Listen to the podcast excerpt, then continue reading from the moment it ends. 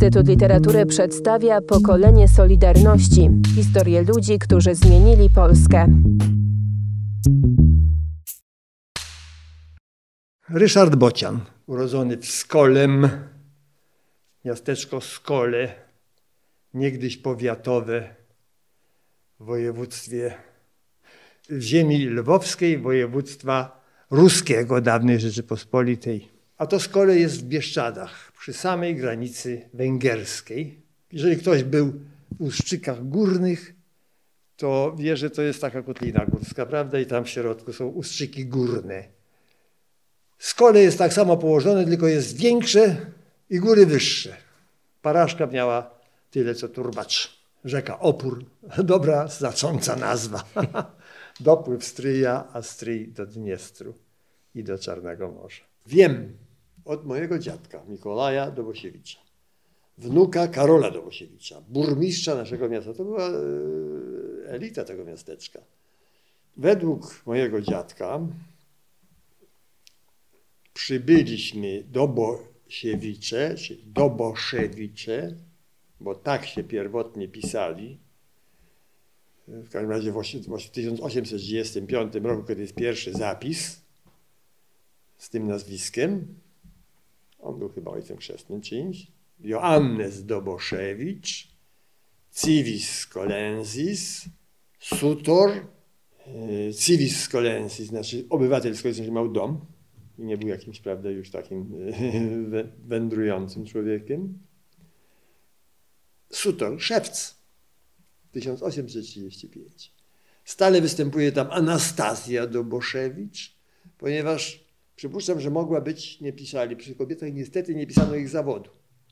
A ona mogła być akuszerką, ponieważ była stale matką chrzestną. No, albo była niesłychanie popularna, albo była po prostu akuszerką.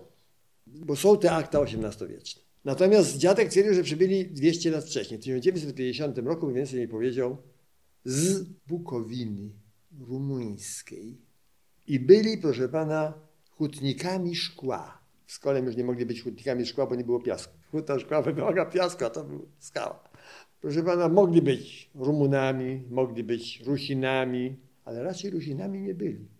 Dlatego, że jeżeli on w 1835 roku był już rzymskim katolikiem i zżenił się tylko z rzymskimi katoliczkami, to znaczy, że mało prawdopodobne, że byli Rusinami. Mogli być Rumunami, Węgrami lub Cyganami. Urodził się pan w lipcu 1939 roku. 1939 roku, tuż mhm. przed wojną.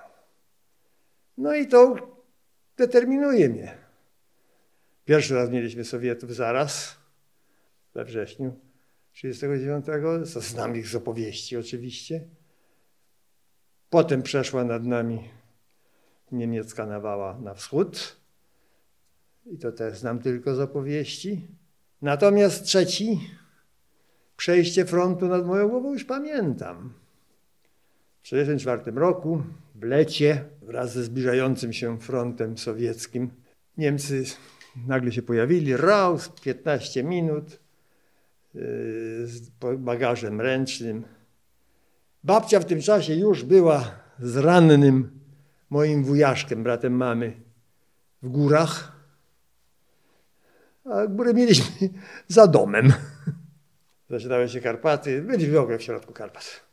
Więc raus, myśmy się jakoś skręcili. W każdym razie pamiętam, jak e, leżymy w jakimś zrujnowanym willi chyba, bo porządne to było, e, pod lasem wieczorem, jakieś cienie się pokazują, leżmy cicho, bo upa. Banderowcy się mówiło, bo banderowcy. I po czym idziemy jak to w górach, Bieszczadach, y, dosyć mokrą, śliską, bagnistą ścieżynką do góry. Cisza, cisza. Mój przyjaciel Rysio Azjan zaczyna płakać, bo rok młodszy. Słyszę szept czarownicy jakieś, tak sobie użałem. Uduści go, uduści go, bo na, wszyscy przez niego zginiemy. Pytałem podobno potem, czy Rysio Azjan już jest uduszony, jak dotarliśmy. Gdzieś jakiś szałas budowaliśmy z liści. No i tam przepędziliśmy w tych górach kilka miesięcy, nie, to co ja mówię, kilka tygodni, jakich miesięcy, lato. Z mamą i dziadkami. Ojciec był kolejarzem i dziadek go wyrzucił z domu jeszcze za okupacji sowieckiej, bo znalazł pistolet. No i dojeżdżaliśmy do ojca w stryju. Pamiętam kawiarnię, potem mieszkanie pamiętam. Bośmy w tym stryju wylądowali w 1944, bo nasz dom się nie nadawał do mieszkania, ponieważ była pocisk spadł, ale nie wybuchł, tylko dziura była, wszystko przeszedł i, i leżał. nie wypał. Marmurowy stolik, kremówka. w stryjskiej kawiarni. W stryju się ukrywał redaktor Urban.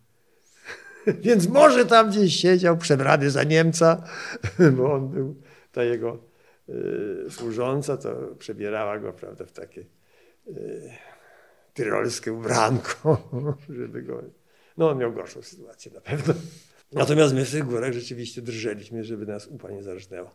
Y, Węgrzy uzbroili młodzież, która była w Baudienst, służba budowlana niemiecka, uzbroiła ich. Oni dostali uzbrojeni i oni osłaniali ten obóz. No, w takiej sytuacji że trzeba było potem broń zakopać, bo przyszli Sowieci z bronią, to pojechaliby od razu na Białe Niedźwiedzie. Pamiętam tylko, że jakaś banda yy, wdarła się, ale głodni byli, jacyś chyba dezerterzy, tacy brudni, zarośnięci. Tam coś im daliśmy. Z tego, co tam mieliśmy w tych górach, no cóż można było mieć w Lipcu w górach. I ledwośmy się tam znaleźli, a tu nad... Było, ach, to ja pamiętam, już przy, to, to ta sama polana. Było widać całe skole jak na dłoni. I nad tym skolem latają samoloty. O, mówi dziadzio mój kolejarz. Skolem była linia kolejowa Lwów, Budapeszt. Manewry Sowieci robią. O cholera, zwariowali, zbombardowali dworzec w Skole. A to nie byli Sowieci, to byli Niemcy już. I wróciliśmy. Dom był zrabowany, sąsiedzi się zainteresowali już tego, ale babcia odzyskała tam dużo rzeczy, wiedziała gdzie pójść. Między innymi kapę na łóżko. Także po tą kapę w 1944 już też wiedziała gdzie iść. Była w tym samym miejscu. Ale z, w 44 z Polany wróciliście jeszcze Też do siebie? wróciliśmy do Skolego, no ale nie dało się zamieszkać, bo była dziura. E, trupy leżały e, żołnierzy. No w ogóle pojechaliśmy do ojca, do jego pokoju wynajętego w Stryju. To było, kolej była, ona działała. Samolot mi się zdawało, że wpadnie do okna, bo tak latał nad nami jakiś. To przecież jeszcze wojna trwała. Front nie tak daleko odszedł od Lwowa. No bo potem jakoś na, naprawili ten dom. Zimę spędziliśmy z kolem w naszym domu własnym. Zakopałem moją drewnianą lalkę, taką wańkę, jakąś stańkę, nie takie coś miałem. Chyba jedyną zabawkę, jaką miałem to, to były takie czasy. Zabawkami było krucho i wsiedliśmy w skład pociągu i pojechaliśmy na ziemię praojców, jak to się mówiło. Ale chyba jechaliśmy kilka tygodni, sześć, jak mi się zdawało. I rozdzielony ten transport. Część tych skolan pojechała w Dolinę Kłodzką, a druga część w tym i moja rodzina, i Rysia Azjana, o którym wspomniałem, mojego przyjaciela, do Szubina pod Bydgoszczą. Wszy nas gryzły, głód już był, babcia sprzedała obrączkę swoją, dziadkową, żeby kupić jakiś olej, jakiś makaron. No ale dojechaliśmy, wylądowaliśmy no, że tak powiem, w barakach po obozie jenieckim, chyba francuskim albo angielskim, bo takie płaskie hełmy angielskie były, które mieliśmy. No, prawda? Więc to angielskie. Po jakimś czasie dostaliśmy jakiś pokój, mieszkanie w miasteczku. To była rozlewnia wód gazowanych i piwa państwa Lejmanów, tak się nazywali, bardzo porządni ludzie. Po jakimś czasie dotarł ojciec, chyba dotarł piechotą, Dlatego, że miał zupełnie, pamiętam, tu był buty, a tutaj miał boso, był zdarte podeszwy. Tak, pierwszy raz coś takiego widziałem. No, ojciec mój próbował i nawet skutecznie założył taki barek, bo był kolejarzem, ale kolejarzom nie płacono, nie utrzymałby rodziny. Ja już miałem siostrę również. Pierw był ten barek, potem mu ten barek zabrali. Jeszcze jakiś czas e, był tam sklepik taki, Schwarzmydło i Powidło. No i wygrał Gomułka z nami bitwę o handel w 1948 roku. Ojciec miał, e, był również, e, zanim został kolejarzem, odbył rzemieślniczy staż taki, prawda, z czeladnikiem dosyć, masarski. I podznał się na tym. Zaczął w skupie pracował, w skupie żywca, gęsi tam takich, to okolica rolnicza. Aż w pewnym momencie, proszę pana, szef UB miejscowy, państwowe, powiatowego Urzędu Bezpieczeństwa Publicznego w Szubinie, Lwowiak, zawołał ojca wieczorem, powiedział, ty Walerciu, ty wiej, bo ja już mam dla ciebie trumnę tutaj. Czy tam już dla ciebie trumnę szykuje, tam jakiś ten, co trumny robi, stolarz. No i nie czekając tego wieczora. Wyjechał i zamustrował się, proszę pana, w Krakowie na budowie huty, nowej huty.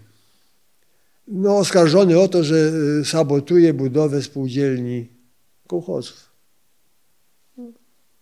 To z tymi chłopami gadam. Tam było dużo y, ludzi z Wołynia. Tak zwanych, my ich nazywaliśmy zabugowcy. byli z zaboru rosyjskiego, z Wołynia. Zabugowcy. My, byli, myśmy byli z Zasanu. Zabawne. Dwie kategorie wygnańców. Potem się przenieśliśmy do nas sąsiedniej, parterowej z facjatkami takimi domu, który był własnością miejscowego aptekarza. Y, to było lepsze mieszkanie, brać tylko pokój z kuchnią, ale nas nie było dużo, dwoje dzieci, rodzice. Tam był ogromne podwórko, wielki ogród, i taki dosyć dziki jakby teren, proszę pana, dosyć zadrzewiony, jakieś trzy wielkie e, kasztany od frontu, proszę pana, jakieś tam, no dla nas to był raj. Wszystkie dyscypliny sportu tam na tym podwórku i na tym, za tym domem, na, na tym trawniku tam odbywaliśmy. Mhm. No chodziłem tam, tam skończyłem szkołę podstawową. No jak wyglądały te tradycje niepodległościowe? E, w sensie rodzice przekazywali takie treści? Skąd to się w panu wzięło? Proszę pana, ojciec był w Szczelcu przed wojną. Kolejarze w ogóle byli w Szczelcu. Ten Szczelec to już był ten Szczelec przedwojenny, a nie ten pierwszy Piłsudskiego, ale, no, ale był Piłsudczykiem. No. Był AK. Miał różne tam, prawda, w swoim życiu perypetie bardzo skomplikowany. No my wszyscy nienawidziliśmy komuny, no, byliśmy pozbawieni, wygonieni, proszę pana, z własnej ziemi, z własnego domu. Wiedzieliśmy, co to, są za, co to jest za bydło. No. Tu nie było wątpliwości, no, była tylko kwestia tego, żeby jakoś przeżyć w tym nieszczęściu. To przecież pianę z ust toczyliśmy, no ale co? To się przecież o tym bez przerwy mówiło, prawda? Słuchało się radia. Głos Ameryki, Londyn. To pamiętam. Wreszcie wolna Europa, prawda, się pojawiła w tym momencie. No.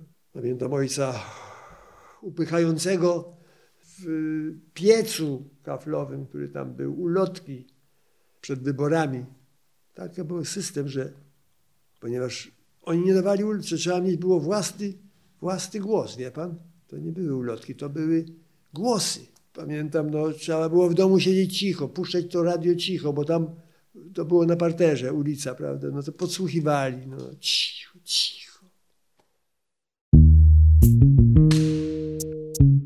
Pokolenie Solidarności. Cykl podcastów przygotowanych przez Instytut Literatury w Krakowie.